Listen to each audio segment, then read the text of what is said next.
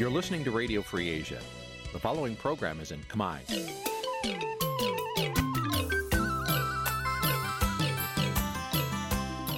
នេះជាកម្មវិធីផ្សាយ Vuthu Azizi Serai នេះជាកម្មវិធីផ្សាយរបស់ Vuthu Azizi Serai ជាភាសាខ្មែរ Vuthu Azizi Serai សូមស្វាគមន៍លោកអ្នកនាងទាំងអស់ពីរដ្ឋធានី Washington នៃសហរដ្ឋអាមេរិក ផ្សាយផ្ទាល់ពីរដ្ឋធានី Washington នាងខ្ញុំខែសុណងសូមជម្រាបសួរលោកនាងកញ្ញាប្រិយមិត្តអ្នកស្ដាប់វិទ្យុអាស៊ីសេរីទាំងអស់ជាទីមេត្រីចាយើងខ្ញុំសូមជូនកម្មវិធីផ្សាយសម្រាប់ព្រឹកថ្ងៃសៅរ៍12រោចខែស្រាប់ឆ្នាំឆ្លូវត្រីស័កពុទ្ធសករាជ2565ដែលត្រូវនឹងថ្ងៃទី4ខែកញ្ញាគ្រិស្តសករាជ2021ចាជាដំបូងនេះសូមអញ្ជើញលោកនាងស្ដាប់ព័ត៌មានប្រចាំថ្ងៃដែលមានមេត្តាដូចតទៅ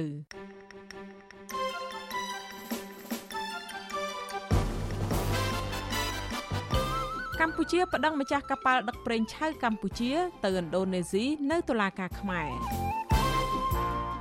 ស្ថានបេសកកម្មចិន្ត្រៃយ៍កម្ពុជាច្រានចោលការលើកឡើងរបស់អ្នករាយការណ៍ពិសេសអង្គការសហប្រជាជាតិពីឯករាជ្យភាពរបស់តុលាការខ្មែរសង្គមស៊ីវិលជំរុញឲ្យអាជ្ញាធរខេត្តកំពង់ឆ្នាំងបង្ហាញជំហរច្បាស់លាស់ជំលះពលរដ្ឋវៀតណាមចេញពីផ្ទៃបឹងទន្លេសាប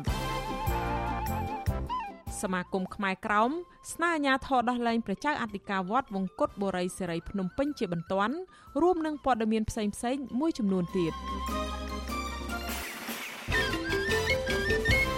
ចាជាបន្តទៅនេះនាងខ្ញុំខែសុណងសូមជូនព័ត៌មានទាំងនេះពិស្ដាចាលោករនាងជាទីមេត្រីក្រសួងរាយនឹងធម្មពលឲ្យដឹងថា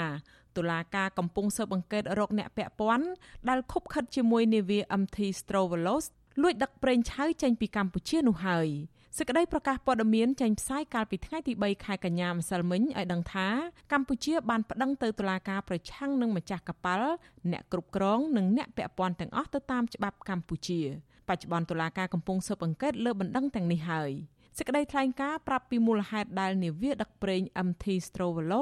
ដឹកប្រេងឆៅចេញពីកម្ពុជានោះ មកពីរឿងចំនួនជាមួយភៀកគីនេវីនិងក្រុមហ៊ុន Chris Energy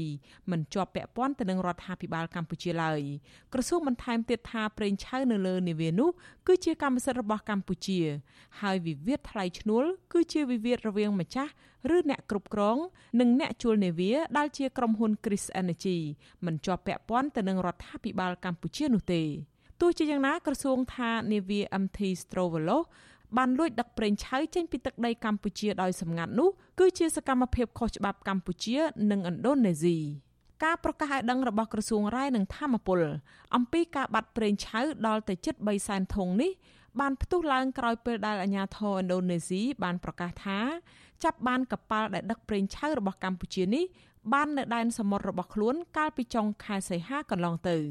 ការខាត់កប៉ាល់ដឹកប្រេងឆៅពីកម្ពុជានេះ មិនមែនតាមរយៈសំណើរបស់កម្ពុជានោះទេប៉ុន្តែគឺដោយសារតែកប៉ាល់នោះបានរំលោភដែនសមុទ្រឥណ្ឌូនេស៊ីរឿងប្រគល់ប្រេងឆៅទៅឲ្យកម្ពុជាវិញឬអត់នោះនឹងត្រូវសម្រេចដោយចៅក្រមឥណ្ឌូនេស៊ីសកម្មជនបរិស្ថាននិងសង្គមស៊ីវិលលើកឡើងថាលោកនាយករដ្ឋមន្ត្រីហ៊ុនសែនគឺជាអ្នកទទួលខុសត្រូវខ្ពស់បំផុតក្នុងរឿងបណ្ដាច់បណ្ដោយធ្វើឲ្យបាត់បង់ប្រេងឆៅដែលមានតម្លៃរហូតដល់ជាង20លានដុល្លារពីកម្ពុជា។ មន្ត្រីអង្គការសង្គមស៊ីវិលលើកទឹកចិត្តឲ្យរដ្ឋាភិបាលបង្កើតគណៈកម្មការចំពោះកិច្ចមួយស៊ើបអង្កេតករណីនេះប្រកបដោយតម្លាភាពនិងគណនេយ្យភាពដើម្បីធ្វើឲ្យពលរដ្ឋខ្មែរដែលជាម្ចាស់ភោគទ្រព្យជាតិបានដឹងច្បាស់អំពីរឿងពិតនៅពីក្រោយរឿងអាស្រូវនេះការលើកឡើងទាំងនេះកើតមានឡើងស្របពេលដែលមន្ត្រីនិងអាជ្ញាធរពាក់ព័ន្ធរបស់កម្ពុជាហាក់កំពុងព្យាយាមលាក់បាំងព័ត៌មាននិងឆ្លើយដោះសារយករួចខ្លួនជុំវិញករណីនេះ ដំណក់ប្រេងកម្ពុជាដែលត្រូវរដ្ឋាភិបាលលោកនាយករដ្ឋមន្ត្រីហ៊ុនសែន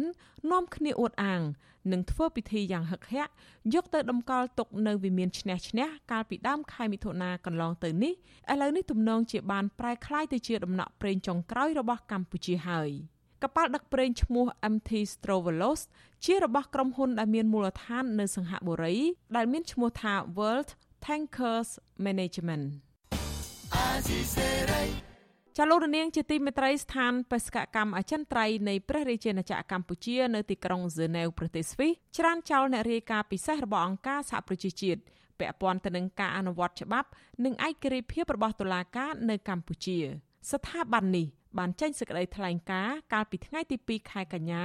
បានបង្ហាញអំពីការខកចិត្តចំពោះទស្សនៈផ្ទាល់ខ្លួនរបស់អ្នករាយការណ៍ពិសេសរបស់អង្គការសហប្រជាជាតិចំពោះការអនុវត្តច្បាប់លើសំណុំរឿងជាក់លាក់មួយ សេចក្តីថ្លែងការណ៍ឆ្លើយតបទៅនឹងក្រុមអ្នកជំនាញសិទ្ធិមនុស្សរបស់អង្គការសហប្រជាជាតិបានថ្កោលទោសចំពោះការផ្ដន់ទាទោសមេដឹកនាំសហជីពកម្មករលោករងឈុននិងការបង្ក្រាបជាប្រព័ន្ធទៅលើអ្នកការពារសិទ្ធិមនុស្សនៅកម្ពុជា។ក្រុមអ្នកជំនាញទាំងនោះរំលឹកឲ្យកម្ពុជាគោរពតាមការសន្យារបស់ខ្លួន ក្នុងការបញ្ឈប់ការយាយីនិងការចាប់ខ្លួនអ្នកការពារសិទ្ធិមនុស្សដោយបំពានតទៅទៀត ពួកគេគូបញ្ជាក់ថារដ្ឋាភិបាលកម្ពុជាចាំបាច់ត្រូវបង្កើតបរិយាកាសដែលអនុញ្ញាតឲ្យពលរដ្ឋគ្រប់រូបទទួលបានសិទ្ធិជាមូលដ្ឋានឡើងវិញ។តំណាងកម្ពុជាបដិសេធការលើកឡើងទាំងនេះនិងច្រានចោលក្រុមអ្នកជំនាញសិទ្ធិមនុស្សរបស់អង្គការសហប្រជាជាតិទាំងនេះម្ដងទៀតថាពុំបានយកចិត្តទុកដាក់ដល់ការអនុវត្តច្បាប់នៅកម្ពុជា។ ស្ថានបេសកកម្មអចិន្ត្រៃយ៍នៃព្រះរាជាណាចក្រកម្ពុជាចាត់ទុកក្រុមអ្នកជំនាញសិទ្ធិមនុស្សរបស់អង្គការសហប្រជាជាតិថាចោទប្រកាន់គ្មានមូលដ្ឋានមកលើអាញាធរកម្ពុជា តាមរយៈការអត្ថាធិប្បាយបែបនយោបាយរូបនីយកម្មដោយជ្រើសរើសតែមួយជ្រុងនិងបង្កការភ័ន្តច្រឡំដល់សាធារណជន។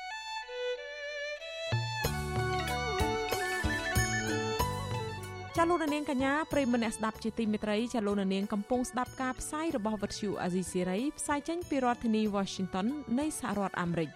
ក្រៅពីការតាមដានកម្មវិធីផ្សាយរបស់វិទ្យុអាស៊ីសេរីតាមបណ្ដាញសង្គម Facebook YouTube Telegram ចាលោកនាងក៏អាចតាមដានកម្មវិធីផ្សាយរបស់យើង តាមរយៈបណ្ដាញសង្គម Instagram របស់អាស៊ីសេរីបាន តាមរយៈតំណ link www.instagram.com /rfa ខ្មែរចាប់វិទ្យុអាស៊ីសេរីបន្តខិតខំផ្សព្វផ្សាយព័ត៌មានពិតទៅកាន់បងប្អូនតាមរយៈបណ្ដាញសង្គមផ្សេងផ្សេងនិងសម្បូរបែបដើម្បីឲ្យលោកនាងងាយស្រួលតាមដានការផ្សាយរបស់វិទ្យុអាស៊ីសេរីគ្រប់ពេលវេលា និងគ្រប់ទីកន្លែងតាមរយៈទូរស័ព្ទដៃរបស់លោកអ្នកចាសសូមអរគុណ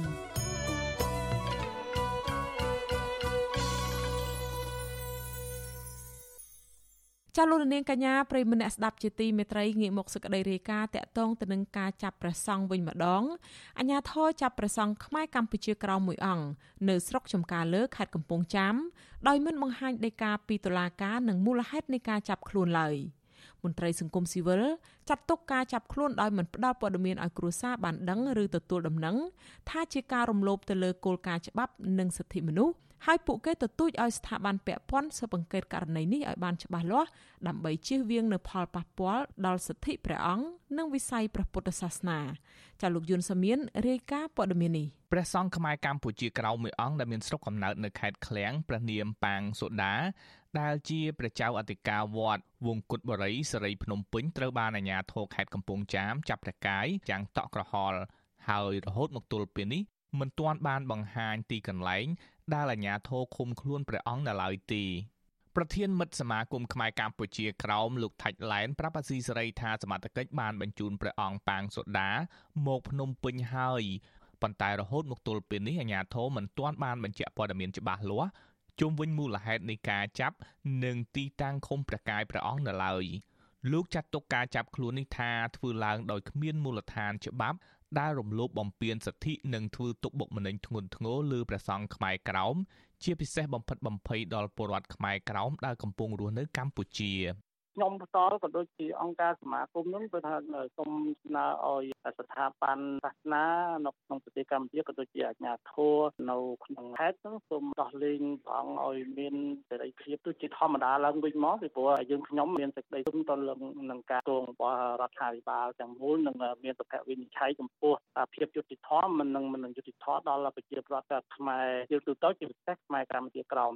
អ្នកនាំពាក្យក្រសួងធម្មការនិងសាសនាលោកសេងសុមនី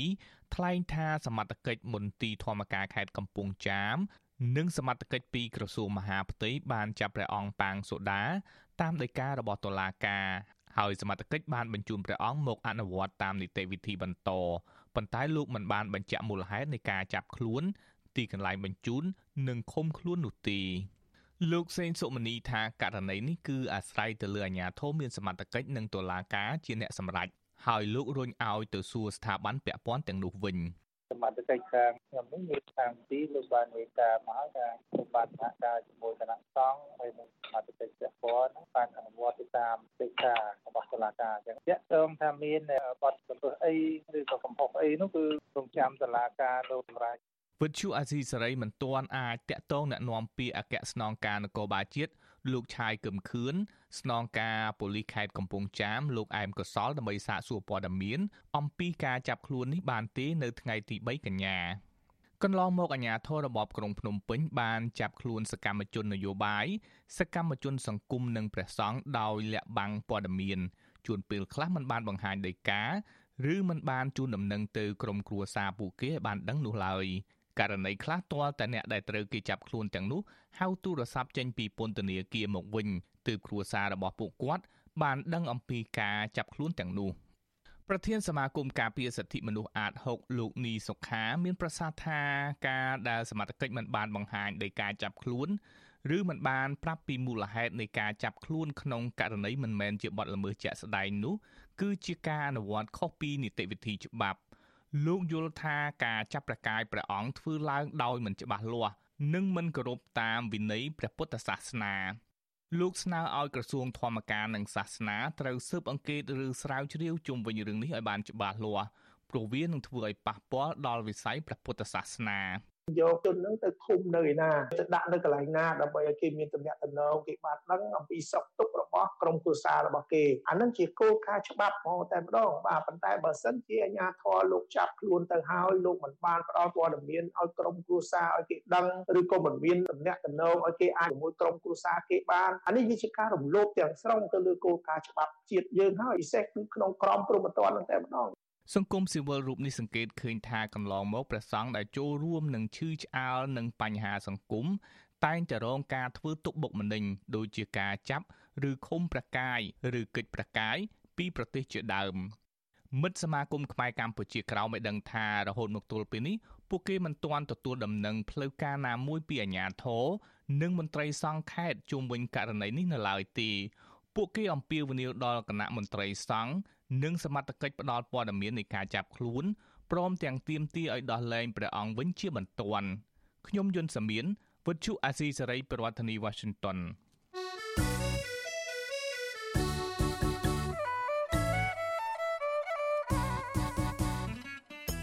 ចលនានាងកញ្ញាប្រិមមអ្នកស្ដាប់ជាទីមេត្រី លោកនាងក៏អាចស្ដាប់ការផ្សាយផ្ទាល់របស់វិទ្យុអាស៊ីសេរីដំណើរគ្នាទៅនឹងការផ្សាយលើបណ្ដាញសង្គម Facebook និង YouTube តាមរយៈរលក ធាតុអាកាសខ្លីឬ Shortwave តាមកម្រិតនិងកម្ពស់ដូចតទៅនេះពេលព្រឹកចាប់ពីម៉ោង5កន្លះដល់ម៉ោង6កន្លះតាមរយៈរលកធាតុអាកាសខ្លី9940 kHz ស្មើនឹងកម្ពស់ 30m ពេលយប់ពីម៉ោង7កន្លះដល់ម៉ោង8កន្លះ តាមរយៈរលកធាតុអាកាសខ្លី9960 kHz ស្មើនឹងកម្ពស់ 30m និង11240 kHz ស្មើនឹងកម្ពស់ 25m ចាសសូមអរគុណចាលោកនាងកញ្ញាប្រិមមអ្នកស្ដាប់ជាទីមេត្រីងាកមកសេចក្តីរាយការណ៍តាក់ទងទៅនឹងការរីករាលដាលនៃជំងឺ Covid-19 វិញអ្នកមានជំងឺ Covid-19 ចំនួន9អ្នកទៀតបានស្លាប់ដែលបានធ្វើឲ្យករណីស្លាប់ដោយសារជំងឺនេះ កើនឡើងដល់ជិត2000នាក់ហើយនៅថ្ងៃទី3ខែកញ្ញាម្សិលមិញចំពោះករណីឆ្លងថ្មីវិញ មាន491នាក់នៅថ្ងៃដដែលក្នុងនោះ165នាក់ជាករណីនាំចូលពីក្រៅប្រទេសជាមួយគ្នានេះអាជ្ញាធរខេត្តបន្ទាយមានជ័យបន្តបិទគប់ក្នុងភូមិសាស្ត្រខេត្តមួយនេះរយៈពេលមួយសប្តាហ៍ទៅមុខទៀតគឺពីថ្ងៃទី3រហូតដល់ថ្ងៃទី9ខែកញ្ញាដើម្បីទប់ស្កាត់ការរាតត្បាតមេរោគ COVID-19 បំផ្លែងថ្មី Delta វិធានការនេះអាជ្ញាធរហាមឃាត់ប្រជាពលរដ្ឋមិនឲ្យធ្វើដំណើរចេញពីផ្ទះនិងធ្វើដំណើរឆ្លងកាត់នៅក្នុងខេត្តនេះឡើយចាប់ពីម៉ោង9យប់ដល់ម៉ោង3ទៀបភ្លឺលើកលែងតែករណីចាំបាច់ដែលមានការអនុញ្ញាតពីអាជ្ញាធរនៅថ្ងៃទី3ខែកញ្ញាអាជ្ញាធរខេត្តបន្ទាយមានជ័យរកឃើញអ្នកឆ្លងជំងឺ Covid-19 ចំនួន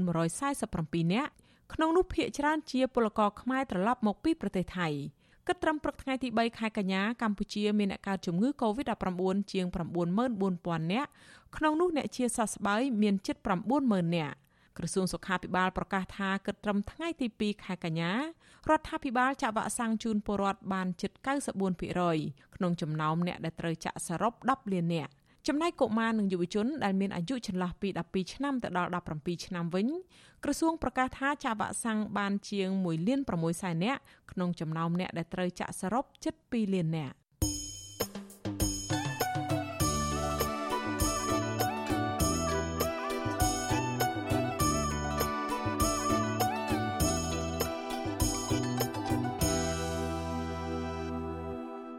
ចាលោកនាងកញ្ញាប្រិមម្នាក់ស្ដាប់ជាទីមេត្រីងាកមកស្ដាប់សេចក្តីរាយការណ៍តាក់ទងទៅនឹងស្ថានភាពរបស់ជនជាដើមភៀតតិចគួយឯនេះវិញ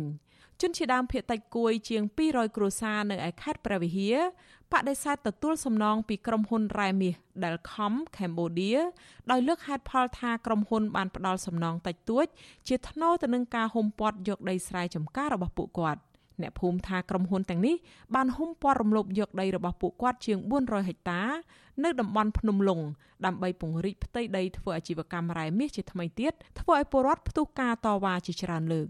ចាប់ពីរដ្ឋធានី Washington លោកលេងម៉ាលី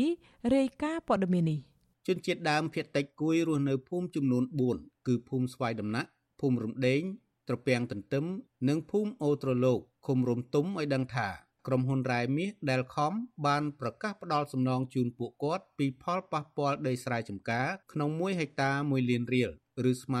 250ដុល្លាររីឯដីមានប្លង់រឹងក្រុមហ៊ុនផ្ដល់សំណង1ហិកតា1500ដុល្លារតំណាងពលរដ្ឋម្នាក់លោកទុយឆេងឲ្យដឹងនៅថ្ងៃទី3កញ្ញាថាពលរដ្ឋមិនពេញចិត្តចំពោះការផ្ដល់សំណងដ៏តិចតួចដូច្នោះទេ ប៉ុន្តែតំណាងក្រុមហ៊ុនបានគម្រាមអ្នកភូមិថាបើសិនជាពួកគាត់មិនទទួលយកក៏គេនៅតែរឹបអូសយកដីទាំងនោះដែរលោកបន្តថាក្រុមហ៊ុនបានហុំព័ទ្ធយកដីស្រែចម្ការរបស់ជនជាតិដើមគួយ នៅតំបន់ភ្នំលុងជាង400ហិកតា ហើយនៅរយៈពេល8ខែចុងក្រោយនេះក្រុមហ៊ុននៅតែបន្តរំលោភយក97ហិកតាជាថ្មីទៀតនៅតំបន់រំដេងនិងភូមិស្វាយដំណាក់ លោកបន្ថែមថាពលរដ្ឋបានស្រែកទ្រហោយំដោយសារបាត់បង់ទីកន្លែងអាស្រ័យផលរោគចំណូលចិញ្ចឹមជីវិតលោកបញ្ជាក់ទៀតថាដីដែលក្រុមហ៊ុនរំលោភយក97ហិកតានេះគឺជាដីស្រែចម្ការដែលជនជាតិដើមគួយអាស្រ័យផលចិញ្ចឹមជីវិតតាំងពីដើមរៀងមក វាបានតែមហា250ដុល្លារទេបើយកក៏យកបើមិនយកក៏ត្រូវតែអត់និយាយចេះដំណងដូច្នេះដូចជំរាមគេយកហ្មងហ្នឹងហើយក្រុមហ៊ុនដែលខាប់ហ្នឹងអាញាធរនិយាយពីអាញាធរវិញគេទៅដោះស្រាយក៏ប៉ុន្តែគេដោះស្រាយឲ្យតែក្រុមហ៊ុនទេចំណែកចំការប្រែរបស់ប្រជាពលរដ្ឋហ្នឹងគឺគេមិនឲ្យប្រជាពលរដ្ឋធ្វើទេពលរដ្ឋមានចំនួនដីធ្លីម្នាក់ទៀត លោកស្រីយឹមផាតថ្លែងថាគ្រួសារលោកស្រីមានដី6ហិកតា មានបានកាន់កាប់ដីធ្លីស្របច្បាប់ និងដី20ហិកតាទៀតគ្មានប្លង់ត្រូវបានក្រុមហ៊ុនរំលោភយកទាំងស្រុងនៅរយៈពេល8ខែចុងក្រោយនេះលោកស្រីថាអ្នកភូមិជាង200គ្រួសារមិនអាចចូលទៅអាស្រ័យផលលើដីរបស់ខ្លួនជាច្រើនខែមកហើយព្រោះក្រុមហ៊ុនបានពង្រាយកម្លាំងយោធាយាមល្បាត និងគម្រាមពលរដ្ឋរីឯដំណាំដាំដុះជាច្រើនហិកតាត្រូវបានក្រុមហ៊ុនឈូកំទេចចោល គេធ្វើបាបប្រជាពលរដ្ឋគេជាតិសង្កត់ប្រជាពលរដ្ឋអ្នកក្រៃក្រឲ្យគ្នាស្លាប់បដ ாய் គេជួយទៅអ្នកមានអំណាចគេជួយទៅក្រុមហ៊ុនគេអត់មានជួយប្រជាពលរដ្ឋហើយយើងដាក់ពាក្យប្តឹងក្នុងពាក្យប្តឹងបងឲ្យគេទៀតបងឲ្យគេ30ម៉ឺនបានគេដាក់ឆ្លើយអស់ដាក់ឆ្លើយមិនចេញទៀតគេច្រានយើងចូលទៀតវិទ្យុអស៊ីសេរីមិនអាចតាក់ទងសុំការបំភ្លឺរឿងនេះ ពីអភិបាលខេត្តព្រះវិហារលោកប្រាក់សវណ្ណនិងអភិបាលស្រុករវៀងលោកហៅប៊ុនហួរបាននៅឡើយទេនៅថ្ងៃទី3កញ្ញាដោយសារទូរស័ព្ទហៅចូលតែគ្មានអ្នកលើកចំណែកអ្នកនាំពាក្យក្រសួងរ៉ែនិងធម្មពលលោកយុសមនីរ៉ាត់និងតំណាងក្រុមហ៊ុន Delcom Cambodia ក៏វិទ្យុអស៊ីសេរីមិនទាន់អាចតាក់ទងបានដែរប៉ុន្តែមេឃុំរុំទុំលោកសៅមុតប្រាប់វិទ្យុអស៊ីសេរីថាលោកមិនបានដឹងរឿងរ៉ាវនេះទេព្រោះពលរដ្ឋមិនបានមកពឹងអាជ្ញាធរឃុំឲ្យជួយដោះស្រាយ លោកបន្ថែមថាចំនួនដីធ្លីនេះហួសពីសមត្ថភាពអាជ្ញាធរឃុំហើយមកទល់ពេលនេះអាជ្ញាធរស្រុកនិងខេត្តបានចុះសម្របសម្រួលដោះស្រាយជាញឹកញាប់បាទបាទហូហើយគឺទៅស្រុកទៅខេត្តគេអ្នកដោះណាជុំវិញរឿងនេះមន្ត្រីសម្របសម្រួលសមាគមអាតហុកខេត្តព្រះវិហារលោកឡាវច័ន្ទយល់ថាប្រសិនបើក្រុមហ៊ុនស្របច្បាប់ទទួលសិទ្ធិវិនិយោគពីរដ្ឋាភិបាលហេតុអ្វីបានជាក្រុមហ៊ុនដើរប្រមូលទិញដីពីពលរដ្ឋក្នុងតម្លៃថោកថោក លោកថាប្រសិនបើពលរដ្ឋមិនព្រមលក់ក្រុមហ៊ុនបានដើរគម្រាមកំហែងបំផិតបំភ័យដើម្បីលក់ដីឲ្យខ្លួនប៉ិនយើងឃើញថាដោយសារតែមានសន្ទុះតវ៉ាខ្លាំងឡើងខ្លាំងឡើងពីប្រជាពលរដ្ឋដែលជាក្រុមហ៊ុនគេដើរឲ្យតំណាងឲ្យអ្នកដែលគេស្គាល់ទៅទិញដីពីពីប្រជាពលរដ្ឋ ដូច្នេះជាការគម្រាមកំហែងក៏ដូចជាបំបាក់ស្មារតីពួកគាត់អ្នកដែលគាត់អត់បានលក់អត់ព្រមលក់ដីទៅឲ្យក្រុមហ៊ុនបាទតំណាងពលរដ្ឋឲ្យដឹងថាសំណុំរឿងចាស់ដែលពលរដ្ឋប្តឹងក្រុមហ៊ុនអាញាធរមិនត្រឹមតែមិនយកចិត្តទុកដាក់ដោះស្រាយនោះទេគឺក្រុមហ៊ុននៅតែរំលោភយកដីពួកគាត់ជាបន្តបន្ទាប់រីឯដីពលរដ្ឋខ្លះទៀតដែលមានប្លង់រឹងឬប្លង់កម្មសិទ្ធិក៏ខាងក្រុមហ៊ុនមួយនេះរំលោភបំពានដែរ ខ្ញុំបាទលេងម៉ាលីវិទ្យុអស៊ីសេរីរាយការណ៍ពីរដ្ឋធានី Washington ចាលោករនាងកញ្ញាប្រិមម្នាក់ស្ដាប់ជាទីមេត្រីចាលោករនាងកំពុងស្ដាប់ការផ្សាយរបស់វិទ្យុអេស៊ីសេរីផ្សាយចេញពីរដ្ឋធានី Washington នៃសហរដ្ឋអាមេរិករឿងដាច់ដោយឡែកមួយទៀតក្រុមអង្គការសង្គមស៊ីវិលជំរុញឲ្យអាជ្ញាធរខេត្តកំពង់ឆ្នាំងបង្ហាញចំហច្បាស់លាស់ជំលះពលរដ្ឋវៀតណាមចេញពីផ្ទៃបឹងទន្លេសាបឲ្យអស់ស្របតាមការបដិញ្ញាចិត្តរបស់ខ្លួន ប៉ុន្តែអាជ្ញាធរខេត្តកំពង់ឆ្នាំងបកស្រាយថាអាជ្ញាធរបានដោះស្រាយបញ្ហានេះដោយជំហាន និងមានពលរដ្ឋវៀតណាមភ័យច្រើនបានឡើងគុកហើយចាប់ពីរដ្ឋធានី Washington លោកសេកបណ្ឌិតរាយការណ៍ព័ត៌មាននេះមន្ត្រីអង្គការការពារសិទ្ធិជនជាតិដើមភាគតិចកោតសរសើរអាជ្ញាធរខេត្តកំពង់ឆ្នាំងដែលប្រឹងប្រែងជំលះពលរដ្ឋវៀតណាមរស់នៅលើផ្ទៃទឹកបឹងទន្លេសាបឲ្យមកឡើងគោកសម្រាប់បានប្រហែល70%ឬស្មើនឹងជាង400គ្រួសារ បានឯកភាពរស់រើផ្ទះបណ្ដែតទឹកតាមការណែនាំរបស់អាជ្ញាធរប៉ុន្តែពួកគេសង្កេតឃើញថាអាជ្ញាធរនៅមិនទាន់អនុវត្តច្បាប់អន្តោប្រវេសន៍ឲ្យគ្រប់ជ្រុងជ្រោយនៅឡើយទេ អ្នកសម្របសម្រួលនៃអង្គការការពារសិទ្ធិជនជាតិដើមភាគតិចខេត្តកំពង់ឆ្នាំងលោកតូតកំស្រួយឲ្យដឹងនៅថ្ងៃទី3ខែកញ្ញាថាបច្ចុប្បន្ននៅសល់ពលរដ្ឋវៀតណាមតិចតួចប៉ុណ្ណោះមិនទាន់ជំលះឡើងគោកដោយសារពួកគេមានបែចិញ្ចឹមត្រី លោកថាពលរដ្ឋដែលទៅតាំងទីលំនៅ លើដី40ហិកតា មានជាង200គ្រួសារ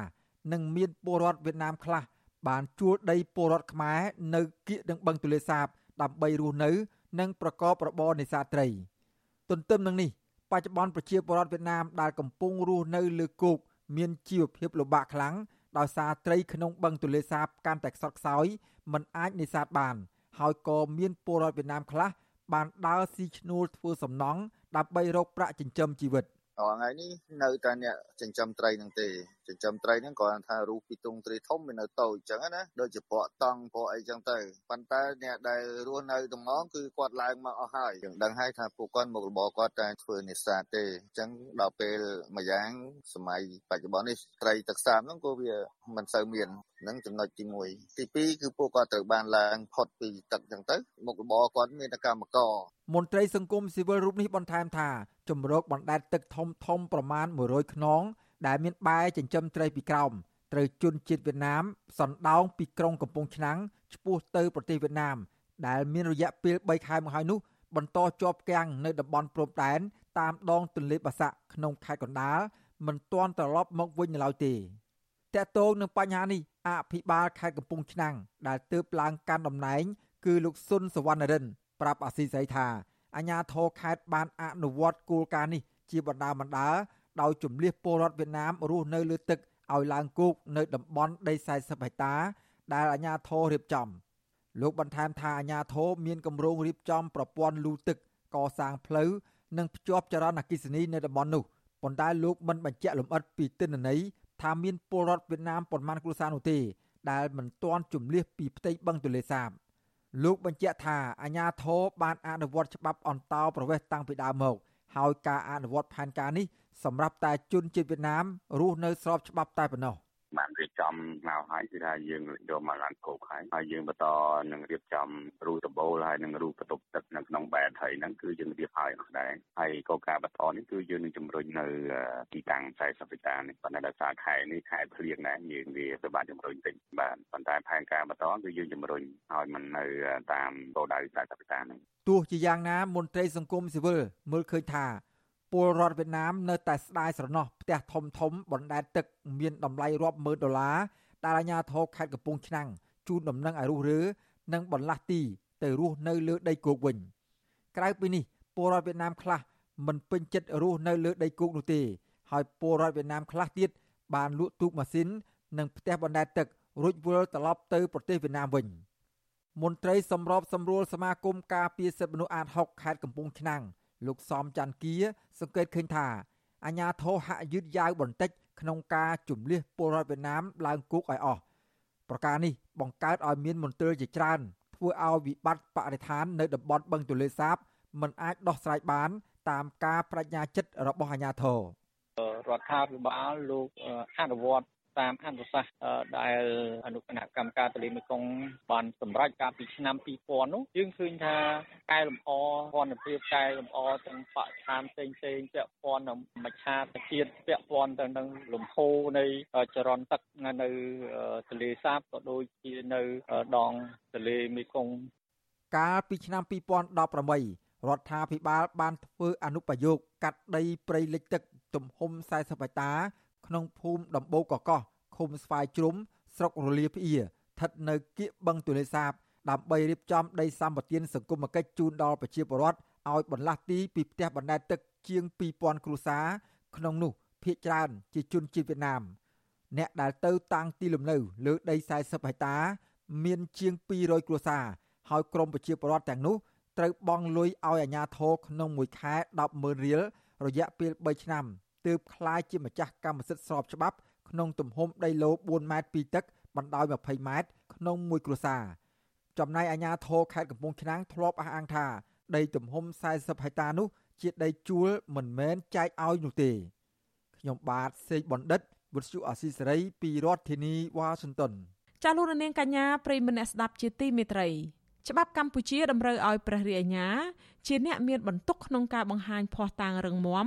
ឬភ័ស្តុតាងហួសពីវិមតិសង្ស័យនៅពេលចោទប្រកាន់ជនណាម្នាក់ពីបទល្មើសអ្វីមួយចំណែកជនជាប់ចោទវិញជាទូទៅមិនមានបន្ទុកបង្ហាញភ័ស្តុតាងពីភាពបរិសុទ្ធរបស់ខ្លួននោះទេតើភ័ស្តុតាងហួសពីវិមតិសង្ស័យមានន័យដូចម្ដេចនិងមានសារៈសំខាន់បែបណាចាសសូមអញ្ជើញលោកនាងស្ដាប់សេចក្តីរាយការណ៍ពុស្ដារបស់លោកជីវិតាជុំវិញរឿងនេះដូចតទៅក្រមច្បាប់កម្ពុជា ព្រះអាជ្ញាដែលតំណាងឲ្យស្ថាប័នអាយកាមានទួនាទីប្តឹងចោតប្រកាន់ជនទាំងឡាយណា ដែលជាប់សង្ស័យថាបានរំលោភច្បាប់ព្រហ្មទណ្ឌប៉ុន្តែព្រះអាជ្ញាត្រូវបង្ហាញដល់ចៅក្រម នៅផុសតាងរឹងមាំចំណែកជនជាប់ចោតវិញ ច្បាប់មិនតម្រូវឲ្យបង្ហាញផុសតាងដាក់បន្ទុកមកលើខ្លួនឯងនោះទេនិយាយឲ្យងាយស្ដាប់ទៅ គឺអ្នកណាចោតប្រកាន់គេ អ្នកនោះឯងជាអ្នកមានបន្ទុកក្នុងការរកនិងបង្ហាញផុសតាង ឲ្យលើសពីវិមតិសង្ស័យផុសតាងលើសឬហួសពីវិមតិសង្ស័យគឺជាផុសតាងច្បាស់លាស់អត់មានការសង្ស័យសម្រាប់ដាក់បន្ទុកលើជនជាប់ចោតលោកគង់សំអនដែលជាមេធាវីនិងជាសាស្ត្រាចារ្យច្បាប់ផងនោះពន្យល់ថាចៅក្រមដែលឯករាជ្យនឹងមិនទទួលយកផុសតាងទាំងឡាយណា ដែលមានមន្ទិលសង្ស័យមកធ្វើជាមូលដ្ឋានចោតប្រកាន់ជនជាប់ចោតនោះឡើយ ក្នុងតឡាការដែលគោរពច្បាប់ត្រឹមត្រូវបើកាលណាសំណុំរឿងមួយបរិយាអញ្ញាគាត់បង្ហាញផុសតាងមិនបានលើសពីវិមតិសង្ស័យទេចៅក្រមនឹងមិនអាចមិនចាំបាច់ឲ្យមេធាវីមិនចាំបាច់ឲ្យភាគីខាងជួតជាប់ចោតនឹងឡើងបកស្រាយឡើងការពីឡើងអីទេគឺគេគាត់ចោលភ្លាមព្រោះការបង្ហាញផុសតាងរបស់ព្រះអញ្ញាវាអត់អត់លើសពីវិមតិសង្ស័យផងអត់លើសពីកម្រិតដែលច្បាប់ត្រូវការផងអញ្ចឹងគេទៅដោះលែងហើយ គេត្រូវលើការចាប់ប្រកាន់ហើយអាហ្នឹងតាមច្បាប់ណានោះបើតាមច្បាប់ប៉ុន្តែនៅកម្ពុជា គេសង្កេតឃើញថា ច្បាប់និយាយផ្សេងឯការអនុវត្តធ្វើផ្សឹងជាក់ស្ដែង មនុស្សរាប់សិបនាក់ហើយរួមមានអ្នកនយោបាយបកប្រឆាំងអ្នករិះគន់រដ្ឋាភិបាល និងអ្នកសម្ដែងមតិត្រូវបរិយាអាញាចោតប្រកាន់ដោយគ្មានភ័ស្តុតាងហួសពីវិមតិសង្ស័យភាគច្រើននៃបទចោតទៅលើពួកគេ គឺបទញុះញង់ឲ្យប្រព្រឹត្តអំពើបង្កឲ្យមានភាពវឹកវរធ្ងន់ធ្ងរដល់សន្តិសុខសង្គមជារឿយរឿយមេធាវីការពារជនជាប់ចោតអ្នកឃ្លាំមើលសិទ្ធិមនុស្សនិងមន្ត្រីបរទេសដែលបានចូលរួមសង្កេតសវនាការនៃសកម្មជនបកប្រឆាំងក្តីសកម្មជនបរិស្ថានក្តីពួកគេតែងតែសង្កេតឃើញថាបើទោះជាពរិយាអាញាមិនបានបង្ហាញភ័ស្តុតាងដាក់បន្ទុកឲ្យហួសពីវិមតិសង្ស័យក៏ដោយក៏ចៅក្រមមិនខ្វល់ និងមិនសួរនាំពរិយាអាញានោះទេប៉ុន្តែសម្រេចឲ្យជនជាប់ចោតមានទោសតែម្ដង ការសម្រេចក្តីរបស់ចៅក្រមបែបនេះតែងរងការថ្កោលទោសពីអ្នកការពារសិទ្ធិមនុស្សនិងក្រុមគ្រួសាររបស់អ្នកជាប់ឃុំសម្រាប់អង្គការសង្គមស៊ីវិលពួកគេតែងចេញសេចក្តីថ្លែងការណ៍រួមសម្ដែងការមិនពេញចិត្តចំពោះការផ្ដន់ទាទោសបែបនោះ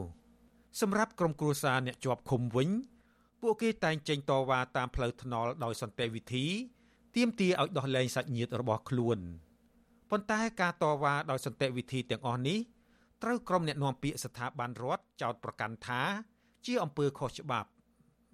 ក្រុមអ្នកណែនាំពាក្យរាប់ចាប់ពីអ្នកណែនាំពាក្យក្រសួងយុតិធធរហូតដល់អ្នកណែនាំពាក្យគណៈកម្មាធិការសិទ្ធិមនុស្សរដ្ឋាភិបាលចោទថាការតវ៉ាទាំងអស់នោះ ជាការដាក់សម្ពាធលើតុលាការលើសពីនេះដោយមិនខ្វល់ពីការចោទប្រកាន់ខ្វះភ័ស្តុតាងរបស់ព្រះរាជអាជ្ញា ក្រុមអ្នកណែនាំពាក្យតែងបង្ហោះសារថាបើអ្នកណាចង់ឲ្យជន់ជាប់ចោទរួចពីការជាប់ឃុំត្រូវខំរកភ័ស្តុតាងរឹងមាំមកបង្ហាញតុលាការដើម្បីបញ្ជាក់ពីភាពបរិសុទ្ធរបស់ពួកគេឧទាហរណ៍កាលពីថ្ងៃទី18សីហា ប្រតិកម្មតបទៅនឹងការរិះគន់ពីមជ្ឈដ្ឋានជាតិនិងអន្តរជាតិទៅលើតុលាការដែលបានកាត់ទោសមេសហជីពលោករងឈុនឲ្យជាប់ពន្ធនាគារ2ឆ្នាំពីបទញុះញង់បញ្ហាព្រំដែនជាមួយវៀតណាមនោះ អ្នកនាំពាក្យក្រសួងយុតិធធលោកជិនម៉ាលីនបានប្រាប់អ្នកសារព័ត៌មានថា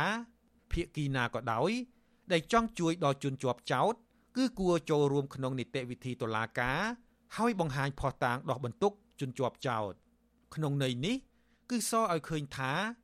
អ្នកនាំពាក្យក្រសួងយុតិធធមិនខ្វល់ពីការដែលព្រះអាញាខ្វះភស្តុតាងលើសពីវិមតិសង្ស័យសម្រាប់ចោតប្រកាន់ប៉ុន្តែបែរជាលោកដាក់សម្ពាធលើសាច់ញាតិនិងអ្នកគាំទ្រលោករងឈុន ដែលតវ៉ាស្របច្បាប់ឲ្យខំរកភស្តុតាងបញ្ជាក់ពីភាពបរិសុទ្ធរបស់លោករងឈុនទៅវិញលោកសំសុគង្គដែលជាមេធាវីពូកែតែមិនដែលឈ្នះក្តីក្នុងសំណុំរឿងនយោបាយនោះមានប្រសាសន៍ក្រោយសវនាការប្រកាសសាលក្រមថ្ងៃទី18សីហាថាក្នុងអង្គជំនុំជម្រះកន្លងទៅព្រះអញ្ញាមិនមានភស្តុតាងរឹងមាំហួសពីវិមតិសង្ស័យយកមកបង្ហាញតុលាការទេប៉ុន្តែទោះបែបនោះក្តី ចៅក្រមជំនុំជម្រះតុលាការក្រុងភ្នំពេញលោកលីសុខា នៅតែប្រកាសសាលក្រមឲ្យកូនក្តីរបស់លោកគឺលោករងឈុននិងសកម្មជនសង្គមពីរអ្នកផ្សេងទៀតមានទោសកំហុសទៅវិញសារក្រមការពីព្រឹកមិញនេះខ្ញុំជាមេធាវីមានការខកចិត្តដោយសារមេធាវីយល់ឃើញថា តកតទៅនឹងអង្គហេតុក៏ដូចជាអង្គច្បាប់ហ្នឹងគឺកូនក្រីត្រូវបានរួចផុតពីបទចោទប្រកាន់ប៉ុន្តែដល់ពេលសារក្រមអាកាសព្រឹកមិញហ្នឹងគឺផ្ដំទៀតទោសមានលក្ខណៈធ្ងន់ធ្ងររហូតដល់ជាអតិបរមាដែលមេធាវីបំបែលបានជួបប្រទះហើយនឹងមានការសម្ដេចឲ្យសងសំណងជខូចខាតទៅដល់ដើមនឹងរដ្ឋបတ်នេះក៏មានលក្ខណៈធ្ងន់ធ្ងរដែលមិនស៊ីជាមួយនឹងការខូចខាតនឹងវិជាសនកម្មទៅក្នុងអង្គហេតុនេះទេ ចំណែកលោកមេធាវីគង់សំអនដែលមានបទពិសោធន៍តតាំងក្តីទាំងក្នុងតុលាការជាតិទាំងក្នុងតុលាការខ្មែរក្រហមឲ្យដឹងថាលោកក៏តែងជួបប្រទះកំហុសផ្លូវច្បាប់របស់ព្រះអាញាដែរលោកបញ្ជាក់ថា មានករណីជាច្រើនដែលព្រះអាញាគ្មានភស្តុតាងរឹងមាំសម្រាប់គ្រប់គ្រងដល់ការចោទប្រកាន់របស់ពួកគេប៉ុន្តែចៅក្រមបែរជាទទួលយកការចោទប្រកាន់បែបនេះ ហើយសម្រេចឲ្យជនជាប់ចោទមានទោស លោកមេធាវីគង់សំអនបន្ថែមថាយុតិធធសំខាន់ណាស់សម្រាប់ជនជាប់ចោទសម្រាប់គ្រួសាររបស់ពួកគេ និងសម្រាប់មនុស្សគ្រប់រូបក្នុងសង្គមជាតិទាំងមូលហេតុដូចនេះ លោកថាព្រះអញ្ញាមិនអាចគ្រាន់តែអានអង្គហេតុមួយម៉ាត់ពីរម៉ាត់រួចចោទថាជនជាប់ចោទពិតជាបានប្រព្រឹត្តខុសច្បាប់ ហើយចៅក្រមធ្វើតាមសម្ដីរបស់ព្រះអាញានោះទេបើសិនជាយើងបដោតថាឲ្យតែចោតអាហ្នឹងដឹងតែជាប់ ដឹងតែមានទោសនេះជាការយល់ច្រឡំជាកំហុសមួយហើយក្នុងការអនុវត្តទូនីតិសមត្ថកិច្ចរបស់ខាងអัยការពីព្រោះខ្ញុំឃើញជាទូទៅក្នុងការអនុវត្តជាក់ស្ដែងវាមានអញ្ចឹងដែរគឺថាអัยការគាត់អត់ប្រដកការចាប់ប្រកាន់សម្ដីរបស់គាត់គាត់ថាគាត់សូមរក្សាការការចាប់ប្រកាន់តែប៉ុណ្ណឹងហើយអត់បាច់បង្ហាញផុសតាងអីច្រើននៅក្នុងនៅក្នុងពេលជំនុំជម្រះខ្ញុំជួបតញឹកអានេះជាបញ្ហាដែលធ្វើឲ្យប្រព័ន្ធយុតិធម៌របស់យើងនឹងវាមានការខ្វះខាត ចំណែកចៅក្រមដែលជាអាជ្ញាកណ្ដាលមានទួនាទីត្រួតពិនិត្យមើលថាតើព្រាយអាជ្ញាមានភ័ស្តុតាងឬទេ ហើយបើមានតើភ័ស្តុតាងទាំងនោះជាភ័ស្តុតាងត្រឹមត្រូវហួសពីវិមតិសង្ស័យឬទេលោកមេធាវីគង់សំអនពន្យល់បន្ថែមថាភ័ស្តុតាងហួសពីវិមតិសង្ស័យជាភ័ស្តុតាងរឹងមាំជាក់ច្បាស់សម្រាប់គ្រប់គ្រងដល់ការចោទប្រកាន់លោកថាចៅក្រមត្រូវសម្រេចលើកលែងការចោទប្រកាន់ជនជាប់ចោទ បើកាលណាព្រីអញ្ញាមិនមានភ័ស្តុតាងហួសពីវិមតិសង្ស័យទេនោះជាថាលើសពីវិមតិសង្ស័យហ្នឹងបានន័យថាជាភ័ស្តុតាងច្បាស់កន្លែងយើងតាមច្បាប់ណាភ័ស្តុតាងច្បាស់វាមានន័យថាច្បាស់អត់វាអស់សង្ស័យវាអត់សង្ស័យគណៈអត់សង្ស័យគឺមានន័យថាច្បាស់ហើយអញ្ចឹងបើថាបុគ្គលម្នាក់សម្លាប់ទេវាត្រូវមានផុសតាងបញ្ជាក់អំពីការសម្លាប់ហ្នឹងឧទាហរណ៍ មានសាកសីគេឃើញបុគ្គលនឹងឯងធ្វើសកម្មភាពសម្លាប់អីចឹងឧទាហរណ៍បើថាសម្លាប់ប្រើអីប្រើកបិតឬមានកបិតប្រើកភ្លើងមានកភ្លើងយកមកធ្វើជាបោះតាងនឹងទៀតហើយមានកលៈទេសៈហេតុអីត្រូវសម្លាប់អីចឹងឧទាហរណ៍ហើយវាមានមូលហេតុដែលនាំឲ្យស្លាប់ហ្នឹងអញ្ចឹងកម្រិតនៃការបង្ហាញខុសតាងហ្នឹងมันអាចផ្អែកលើខុសតាងបែបព្រាលព្រាលទេมันអាចស្មានស្មានដល់តែខាតអូអាហ្នឹងគេឆ្លោះគ្នាតបឆ្លោះគ្នាពីមុនមកអីអញ្ចឹង អញ្ចឹងសង្ស័យថាមួយនឹងអ្នកស្លាប់ហើយឧទាហរណ៍អញ្ចឹងហ្នឹងអត់បានទេអត់យកទេគោលការណ៍បង្ហាញផុសតាងឲ្យហួសពីវិមតិសង្ស័យគឺជាគោលការណ៍សកល ដែលមានគោលបំណងទប់ស្កាត់ការបង្ហាញអង្គហេតុខុសនិងផុសតាងមិនត្រឹមត្រូវដែលអាចនាំឲ្យមានការផ្ដន់ទាទោសខុសឬចាប់មនុស្សគ្មានកំហុសដាក់គុកតាមអំពើចិត្តជាដើមអំពើអយុត្តិធម៌នឹងកើតមានឡើង កាលណាមានការកាត់ទោសខុស ព្រោះជនជាប់ឃុំខ្លាចជាជនរងគ្រោះពីការអនុវត្តច្បាប់ខ្ជាខ្ជារបស់តុលាការលើសពីនេះជនជាប់ឃុំមិនត្រឹមតែខូចខាតនៅកិត្តិយសគេឈ្មោះប៉ុណ្ណោះទេប៉ុន្តែថែមទាំងបាត់បង់សិទ្ធិសេរីភាពព្រាត់ប្រាសក្រុមគ្រួសារនិងខាត់បងទ្រព្យសម្បត្តិព្រមទាំងប៉ះពាល់សុខភាពរហូតដល់អាយុជីវិតទៅទេទៅទេទៀតផងហេតុដូចនេះទើបបានជារដ្ឋធម្មនុញ្ញកម្ពុជា មាត្រា38ចែងថា វិមតិសង្ស័យត្រូវបានជាប្រយោជន៍ដល់ជនជាប់ចោតនេះមានន័យថាបើផុសតាងចោតប្រកាន់របស់ព្រាយអាជ្ញាមិនច្បាស់នៅមានការសង្ស័យចៅក្រមត្រូវលើកលែងការចោតប្រកាន់លើជនជាប់ចោតនិងផ្ដល់សេរីភាពដល់ពួកគេវិញខ្ញុំជីវិតាអាស៊ីសេរី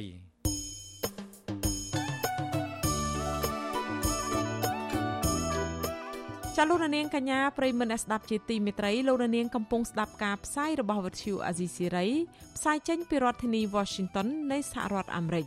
នៅក្នុងឱកាសនេះដែរនាងខ្ញុំសូមថ្លែងអំណរគុណដល់លោកនាងកញ្ញាទាំងអស់ដែលតែងតែមានភក្ដីភាពចំពោះការផ្សាយរបស់យើងហើយចាត់ទុកការស្ដាប់វិទ្យុអាស៊ីសេរីគឺជាផ្នែកមួយនៃសកម្មភាពប្រចាំថ្ងៃរបស់លោកនាងការគ្រប់គ្រងរបស់លោកនាងនេះហើយដែលធ្វើឲ្យយើងខ្ញុំមានទឹកចិត្តកាន់តែខ្លាំងថែមទៀត ក្នុងការស្វែងរកនិងផ្តល់ព័ត៌មានជូនលោកអ្នកនាង មានអ្នកស្ដាប់អ្នកទស្សនាកាន់តែច្រើនកាន់តែធ្វើឲ្យយើងខ្ញុំមានភាពស្វាហាប់មោះមុតជាបន្តទៀតចាយើងខ្ញុំសូមអរគុណទុកជាមុនហើយសូមអញ្ជើញលោកអ្នកនាងកញ្ញាចូលរួមជំរុញឲ្យសកម្មភាពផ្តល់ព័ត៌មានរបស់យើងកាន់តែជោគជ័យបន្ថែមទៀតចាសូមលោកអ្នកនាង ជួយយើងខ្ញុំដល់គ្រាន់តែចុចចែករំលែកឬ share ការផ្សាយរបស់យើងនៅលើបណ្ដាញសង្គម Facebook និង YouTube ទៅកាន់មិត្តភ័ក្តិរបស់លោកអ្នក ដើម្បីឲ្យការផ្សាយរបស់យើងបានទៅដល់មនុស្សកាន់តែច្រើនចាសសូមអរគុណ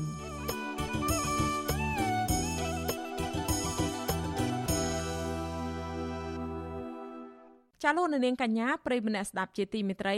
អ្នកច្បាប់ថាបទញុះញង់បានคล้ายទៅជាបទចោទដ៏ពេញនិយម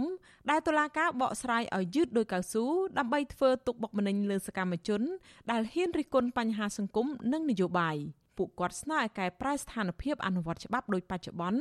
ឲ្យប្រសើរជាងនេះបើមិនដូច្នេះទេវាចំណេញតែប្រយោជន៍នយោបាយប៉ុន្តែខាតប្រយោជន៍យុតិធធម៌ប្រមទ័ននិងសង្គមចាលោកមួងណារ៉េតមានសេចក្តីរាយការណ៍ពុស្ដាជុំវិញរឿងនេះដូចតទៅអ្នកច្បាប់បារម្ភថាចៅក្រមនឹងព្រាយអាញា ហាក់ដូចជាបំពេញក្រម ដែលហាមការបកស្រាយច្បាប់តាមសន្តិសភាព ឬក៏ភាពប្រហាក់ប្រហែល លោកមេធាវីផែងហេងថាច្បាប់ហាមការបកស្រាយច្បាប់ដូចទាញឲ្យយឺតដូចកៅស៊ូ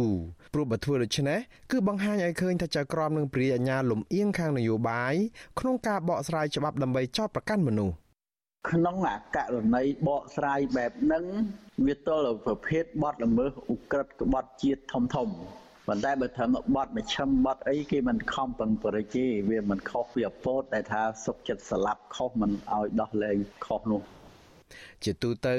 រាល់ច្បាប់នីមួយៗតែងតែមានកំណត់ហេតុនៃការជជែកដេញដោលគ្នាពេលបង្កើតច្បាប់ដូច្នេះលោកមេធាវីផែងហេងថាការបកស្រាយច្បាប់គឺត្រូវធ្វើយ៉ាងណាឲ្យនៅត្រឹមកម្រិតនៃខ្លឹមសារនៃការជជែកតាក់តែងមាត្រាច្បាប់នឹងតែប៉ុណ្ណោះកម្ពុជាឆ្លងកាត់របបដឹកនាំបែបកុម្មុយនីសផ្ដាច់ការជាហូរហែហេតុដូច្នេះហើយទើបច្បាប់របស់តុលាការកម្ពុជាភាគច្រើនកើតចេញពីប្រព័ន្ធច្បាប់កុម្មុយនីសនឹងចាស់គំរិល ប្រធានក្រុមអ្នកច្បាប់អមរិនលោកមេធាវីសុកសំអឿនថាលោកសង្កេតឃើញថាតឡាការបកស្រាយច្បាប់ហាក់ដូចជាដើម្បីចាប់សកម្មជនដាក់ពន្ធនាគារជាជាងបកស្រាយវាដើម្បីជាប្រយោជន៍យុត្តិធម៌និងសេរីភាពប្រទេសខ្លះគេជប់ប្រើពាក្យហ្នឹងហើយគេជប់ប្រើពាក្យញុះញង់ណាគេប្រើពាក្យផ្សេងវិញដូចជាលើកទឹកចិត្តឬក៏ជំរុញញ៉ៃណាអីវិញណាអា ដល់ហើយយើងនៅប្រើច្បាប់ចាស់ដដែលដល់អញ្ចឹងទៅតុលាការយើងវាវាចេញពីដែលប្រព័ន្ធច្បាប់កុម្មុយនីសយ៉ាងណាព្រោះយើងអតីតរបស់យើងយើងនៅក្នុងរដ្ឋកម្ពុជាយើងប្រើប្រព័ន្ធច្បាប់សង្គមនិយមកុម្មុយនីសអញ្ចឹងទៅទស្សនៈវាមានការចង្អៀតហើយការតឡាការបកស្រាយគឺមិនផ្អៀងទៅរកសិទ្ធិសេរីភាពប្រជាប្រដ្ឋទេគឺផ្អៀងទៅរកការចោទប្រកាន់ អាចដោយសារតែការបកស្រាយច្បាប់ផ្អៀងទៅរកការចោទប្រកាន់ដើម្បីចាប់មនុស្សដាក់ពន្ធនាគារនេះទើបធ្វើឲ្យសកម្មជនសង្គមនិងនយោបាយជាច្រើន តែងតែជាប់ទោសពីបទញុះញង់នេះយុវជនបញ្ចប់ថ្នាក់បរិញ្ញាបត្រជាន់ខ្ពស់ផ្នែកច្បាប់និងជាមន្ត្រីកម្មវិធីនៃមជ្ឈមណ្ឌលប្រជាពលរដ្ឋដើម្បីអភិវឌ្ឍនិងសន្តិភាព។លោកហេងកំហុងមិនភ្ញាក់ផ្អើលនៅក្នុងរឿងនេះទេព្រោះលោកថាប្រទេសកម្ពុជាមិនមែនជាប្រទេសប្រជាធិបតេយ្យដោយអ្វីដែលមានចែងនៅលើក្រដាស់នោះទេ ព្រោះប្រព័ន្ធច្បាប់ជាតិនៅមានភាពទន់ខ្សោយដែលជាអំណោយផលដល់អ្នកនយោបាយនៅក្នុងការប្រើប្រាស់ប្រព័ន្ធតុលាការដើម្បីវាយប្រហារនិងធ្វើបាបប្រជាពលរដ្ឋខ្លួនឯង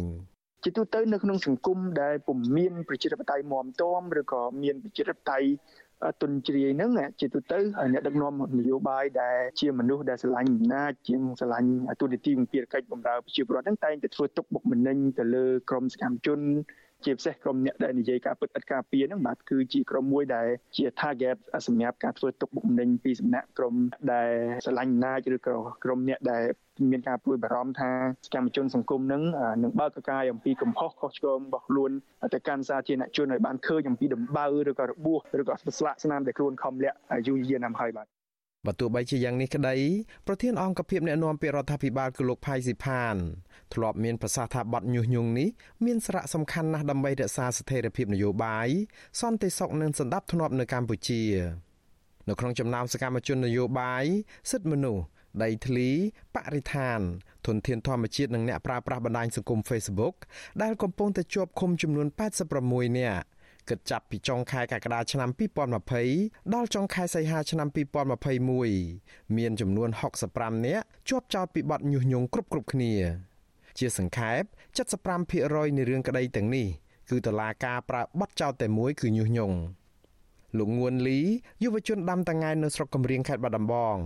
ត្រូវជាប់គុក10ខែក្រោយពីបង្ហោះសាររិះគន់អាជ្ញាធរខេត្តនេះថាមិនបានជួយទិញផ្លែតា ঙ ែនឬផ្លែមៀនរបស់កសិករនៅស្រុកគាត់ តឡាការចោតប្រកាន់គាត់ពីបទញុះញង់ឲ្យប្រព្រឹត្តបទក្រិតជាអាតលោកនីណាអ្នកប្រើប្រាស់បណ្ដាញសង្គម Facebook ជាប់គុក16ខែក្រោយបង្ហោះសាររិះគន់រដ្ឋាភិបាលដោយប្រើពាក្យទិញម៉ាស់ពាក់ឲ្យកូនមន់បទចោតនៅក្នុងរឿងនេះគឺញុះញង់ឲ្យប្រព្រឹត្តបទក្រិតជាអាតដែរលោកធុនចន្ទថាជាប់ឃុំតាំងតែពីខែកុម្ភៈក្រោយបង្ហោះសាររិះគន់រឿងវាក់សាំងចិនគ្មានគុណភាពលោកជាប់ចោតពីបទញុះញង់ឲ្យប្រព្រឹត្តបទអក្រិតជាអាតដែរ សកម្មជនសិទ្ធិការងារនិងជាអ្នកឃ្លាំមើលបញ្ហាព្រំដែនលោករងឈុនជាប់ពន្ធនាគារ2ឆ្នាំដោយសារតែសេចក្តីថ្លែងការណ៍អំពីបញ្ហាព្រំដែនកម្ពុជាវៀតណាមបទចោតគឺញុះញង់ឲ្យប្រព្រឹត្តអំពើបង្កឲ្យមានភាពវឹកវរធ្ងន់ធ្ងរដល់សន្តិសុខសង្គមយុវតីមេដាធម្មជាតិកញ្ញាឡុងគុន្ធា និងភួនកែវរស្មីនិងលោកថនរដ្ឋាជាប់ឃុំមួយឆ្នាំទៅហើយដោយសារតែយុទ្ធនាការសុំកុំឲ្យអាជ្ញាធរលុបបឹងតមកបទចោតគឺញុះញង់ នេះគ្រាន់តែជាការរៀបរាប់ត្រួសត្រាសអំពីករណីចោតប្រកាន់ដោយប្រើបទចោតញុះញង់ក្នុងចំណោម65ករណីនោះតែប៉ុណ្ណោះទាំងអ្នកច្បាប់និងមន្ត្រីអង្គការសង្គមស៊ីវិលស្នើឲ្យចៅក្រមនិងព្រះរាជអាជ្ញាបកស្រាយច្បាប់យ៉ាងណាឲ្យលំអៀងទៅខាងប្រយោជន៍សេរីភាពការគោរពសិទ្ធិមនុស្សនិងភាពយុត្តិធម៌សង្គមជាងនេះទៅទៀតនៅក្នុងករណីដែលមន្ត្រីតុលាការនៅតែបកស្រាយច្បាប់ឲ្យយឺតដោយកៅស៊ូបែបនេះ ពួកគាត់ស្នើឲ្យធ្វើវិសោធនកម្មច្បាប់ត្រង់មាត្រាអំពីការញុះញង់ទាំងនេះឬក្រុមប្រឹក្សាធម្មនុញ្ញបកស្រាយឲ្យលម្អិតដើម្បីបញ្ជាការយកមេត្រាច្បាប់នេះមកធ្វើទុកបុកម្នេញសកម្មជននិងប្រជាពលរដ្ឋសំខាន់ជាងនេះពួកគាត់ស្នើថាដើម្បីពង្រឹងស្ថាប័នតុលាការឲ្យឯករាជ្យគឺទាល់តែមន្ត្រីតុលាការត្រូវឈលលើគោលការណ៍ឯករាជ្យជៀសវាងអកតេ ឬក៏ភាពលំអៀងទាំង4ដើម្បីកុំឲ្យប៉ះពាល់ដល់ខ្លឹមសារច្បាប់ផង និងដើម្បីប្រយោជន៍យុត្តិធម៌និងប្រព័ន្ធតុលាការរឹងមាំផងខ្ញុំបាទមុងណារ៉េត With you Asisari ប្រធានាធិបតី Washington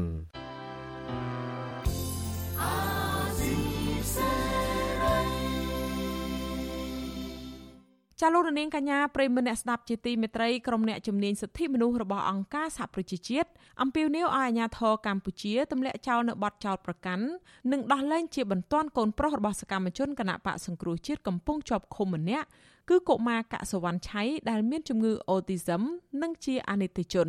ក្រុមអ្នកជំនាញសិទ្ធិមនុស្សអង្គការសហប្រជាជាតិទាំងនេះព្រួយបារម្ភយ៉ាងខ្លាំងចំពោះការឃុំខ្លួនក្មេងប្រុសម្នាក់នេះដោយសារតែការបញ្ចេញមតិតាមអនឡាញ។ មន្ត្រីគណៈកម្មាធិការសិទ្ធិមនុស្សរបស់រដ្ឋាភិបាលច្រានចោលការលើកឡើងរបស់ក្រុមអ្នកជំនាញសិទ្ធិមនុស្សទាំងនេះចាសសូមអញ្ជើញលោកនាងស្ដាប់សេចក្តីរាយការណ៍របស់លោកមានរិទ្ធរាយការណ៍ជុំវិញបញ្ហានេះការអំពាវនាវឲ្យដោះលែងកុមារកាក់ស្វាន់ឆៃនេះ ធ្វើឡើងដោយក្រុមអ្នកជំនាញសិទ្ធិមនុស្សរបស់អង្គការសហប្រជាជាតិ4រូបនៅក្នុងនោះក៏រួមមានអ្នករាយការណ៍ពិសេសអង្គការសហប្រជាជាតិស្ដីពីសិទ្ធិមនុស្សនៅកម្ពុជា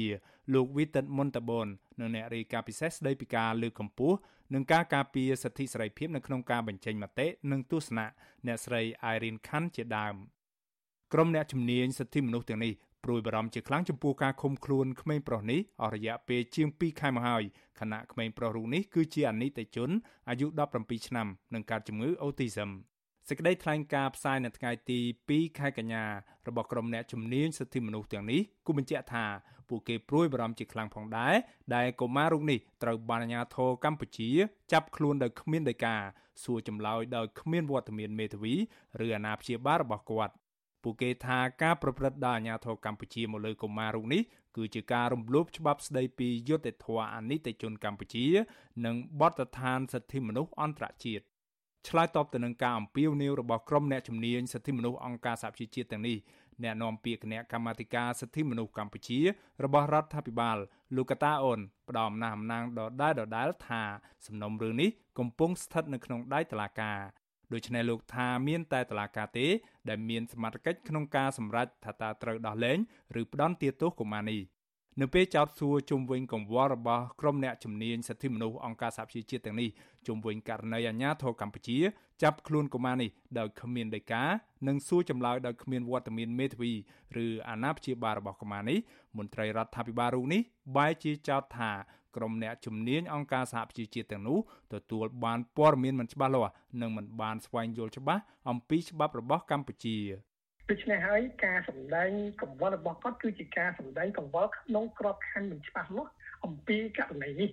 ដូច្នេះយើងឃើញថានៅក្នុងនីតិវិធីតុលាការយើងក្នុងសំណុំរឿងព្រំប្រទាននេះបើសិនជាគាត់ជាអនិច្ចជនគាត់គួរតែមានអ្នកតំណាងផ្លូវច្បាប់ដើម្បីជួយករណីគាត់ ហើយនៅក្នុងក្រមព្រំប្រទាននៃប្រទេសកម្ពុជាក៏យើងបានចែងឲ្យដែរថាកុមារដែលមានអាយុក្រោម14ឆ្នាំអាហ្នឹងវាគ្មានទទួលទោសព្រំប្រទានទេប៉ុន្តែចាប់ពី14ទៅ18ឆ្នាំគាត់មានទទួលទោសព្រំប្រទានពាក់កណ្ដាលហើយពី18ទៅគឺជានីតិជនហើយ យ៉ាងណាក៏ដោយពាក្យនីតិវិធីច្បាប់ដែលមន្ត្រីរដ្ឋាភិបាលរូបនេះតែងតែលើកយកមកនិយាយធ្វើជាអំណះអំណាងគ្រប់ពេលនោះមិនត្រូវបានសហគមន៍ជាតិនិងអន្តរជាតិជឿទុកចិត្តនោះទេដែលពួកគេចាត់ទុកថាគ្រាន់តែជាលេសដោះសារយករួចខ្លួន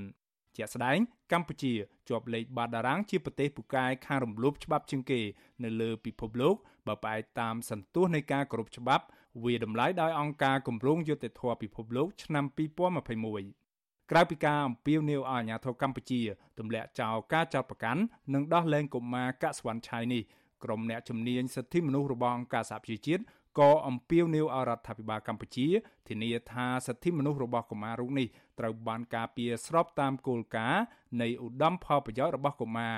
ដោយអនុលោមតាមអនុសញ្ញាស្តីពីសិទ្ធិកុមារ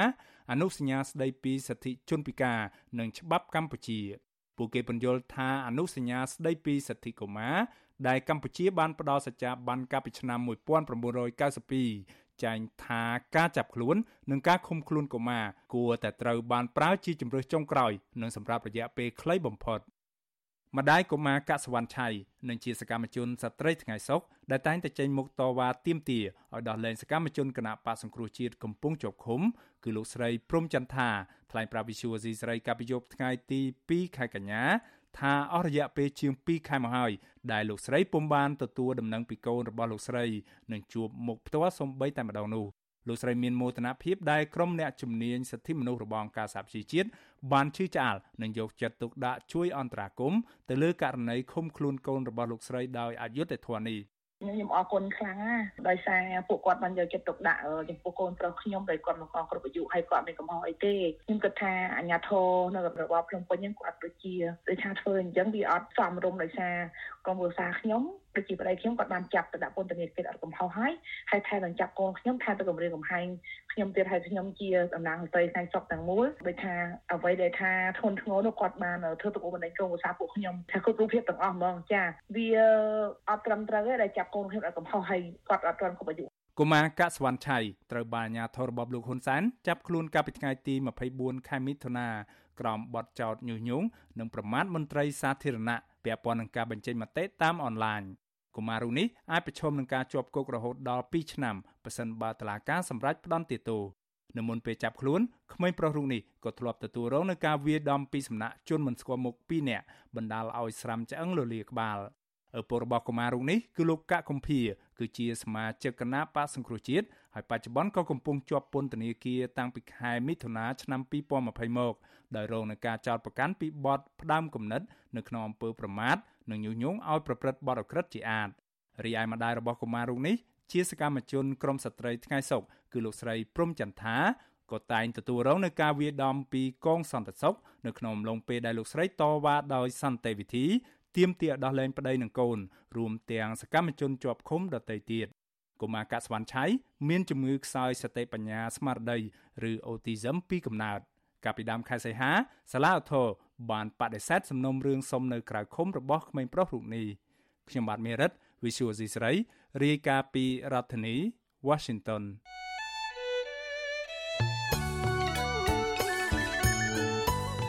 ចាលោកនាងកញ្ញាប្រិមម្នាក់ស្ដាប់ជាទីមេត្រីចាលោកនាងកំពុងស្ដាប់ការផ្សាយរបស់វិទ្យុអាស៊ីសេរីផ្សាយចេញពីរដ្ឋធានី Washington នៃសហរដ្ឋអាមេរិក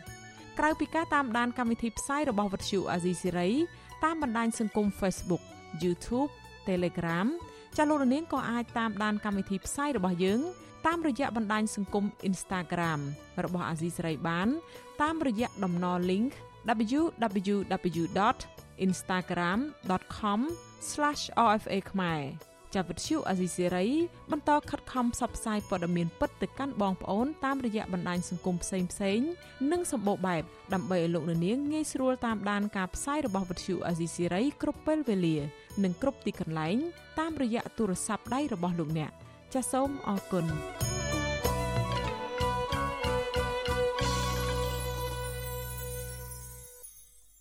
ចាលោកនាងកញ្ញាជាទីមេត្រីចាជាបន្តទៅនេះនាងខ្ញុំខែសុណងសូមជូនព័ត៌មានបញ្ចប់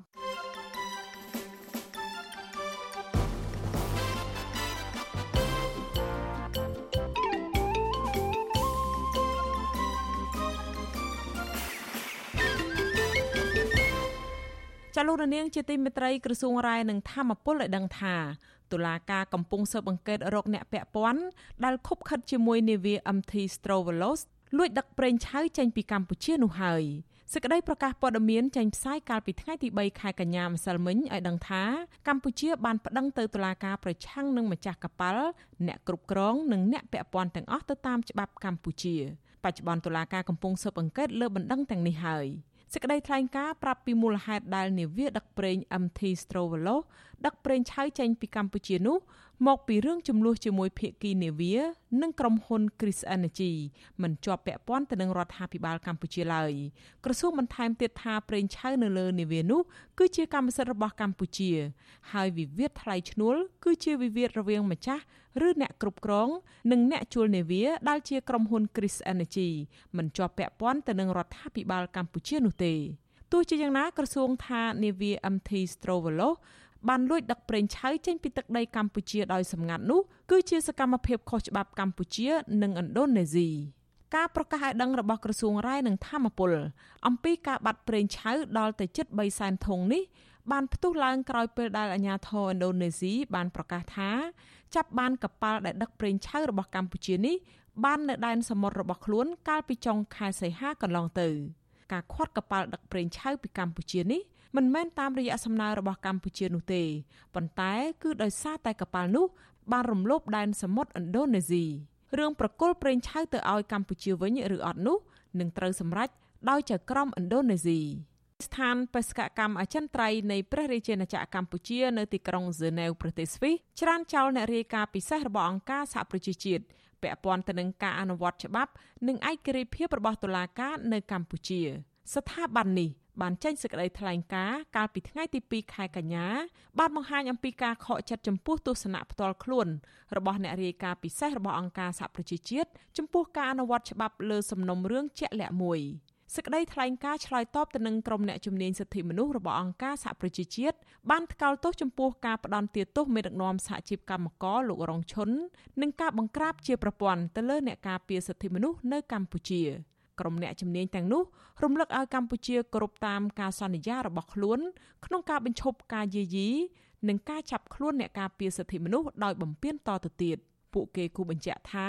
រដ្ឋាភិបាលកម្ពុជាចាំបាច់ត្រូវបង្កើតបរិយាកាសដែលអនុញ្ញាតឲ្យពលរដ្ឋគ្រប់រូបទទួលបានសិទ្ធិជាមូលដ្ឋានឡើងវិញ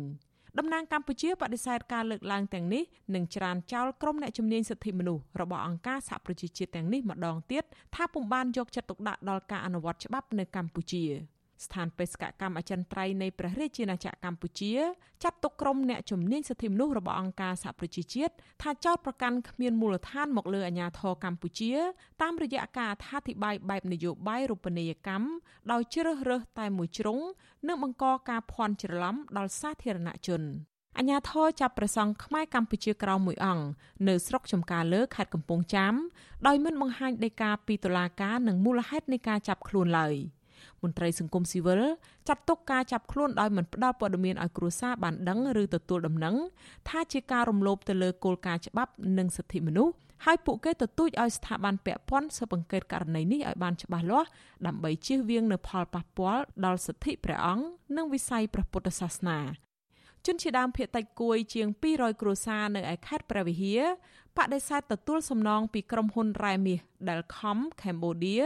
ដោយលើកហេតុផលថាក្រុមហ៊ុនបានផ្ដល់សំណងតិចតួច ជាថ្នូរទៅនឹងការហុំព័ទ្ធយកដីស្រែចម្ការរបស់ពួកគាត់អ្នកភូមិថាក្រុមហ៊ុនទាំងនេះបានហុំព័ទ្ធរំលោភយកដីរបស់ពួកគាត់ជាង400ហិកតា នៅតំបន់ភ្នំលុងដើម្បីពង្រីកផ្ទៃដីធ្វើអាជីវកម្មរ៉ែមាសជាថ្មីទៀតធ្វើឲ្យពលរដ្ឋផ្ទុះការតវ៉ាជាច្រើនលើក ក្រុមអង្គការសង្គមស៊ីវិលជំរុញឲ្យអាជ្ញាធរខេត្តកំពង់ឆ្នាំងបង្ហាញចំហច្បាស់លាស់ជំលះពលរដ្ឋវៀតណាមចេញពីផ្ទៃបឹងទន្លេសាបឲ្យអស់ស្របតាមការបដិញ្ញាចិត្តរបស់ខ្លួនប៉ុន្តែអាជ្ញាធរខេត្តកំពង់ឆ្នាំងបកស្រាយថាអាជ្ញាធរបានដោះស្រាយបញ្ហានេះដោយជំហាន និងមានពលរដ្ឋវៀតណាមភ័យច្រើនបានឡើងគុកហើយ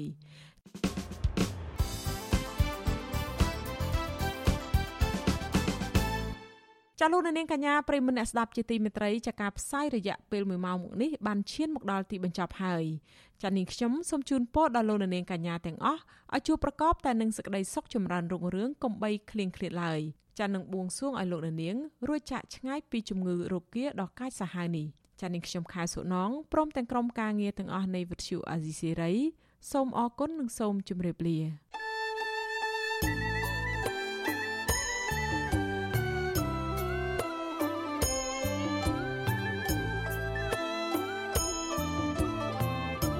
វិទ្យុអាស៊ីសេរីផ្សាយតាមរលក ធាតុអាកាសខ្លីឬ short wave តាមកម្រិតនិងកម្ពស់ដូចតទៅនេះពេលព្រឹកចាប់ពីម៉ោង5កន្លះដល់ម៉ោង6កន្លះតាមរយៈរលក ធាតុអាកាសខ្លី9940 40 kHz ស្មើនឹងកម្ពស់ 30m ពេលយប់ចាប់ពីម៉ោង7កន្លះដល់ម៉ោង8កន្លះ តាមរយៈរលកធាតុអាកាសខ្លី9960 kHz ស្មើនឹងកម្ពស់ 30m និង11240 kHz ស្មើនឹងកម្ពស់ 25m លោកអ្នកនាងក៏អាចស្ដាប់ការផ្សាយផ្ទាល់តាមប្រព័ន្ធអ៊ីនធឺណិតដោយចូលទៅកាន់គេហទំព័រ www.rfa.org/ ខ្មែរក្រៅពីនេះលោកអ្នកនាងក៏អាចអាននិងទស្សនាព័ត៌មានវិទ្យុអាស៊ីសេរី លើទូរស័ព្ទដៃរបស់លោកអ្នកផ្ទាល់សូមលោកអ្នកនាងចូលទៅកាន់បណ្ដាញសង្គម Facebook ដែលមានអាសយដ្ឋាន www.facebook.com/rfa.cambodia និង YouTube www.youtube.com/rfa ខ្មែរ video សូមលោកអ្នកនាងចុច like និងចុច subscribe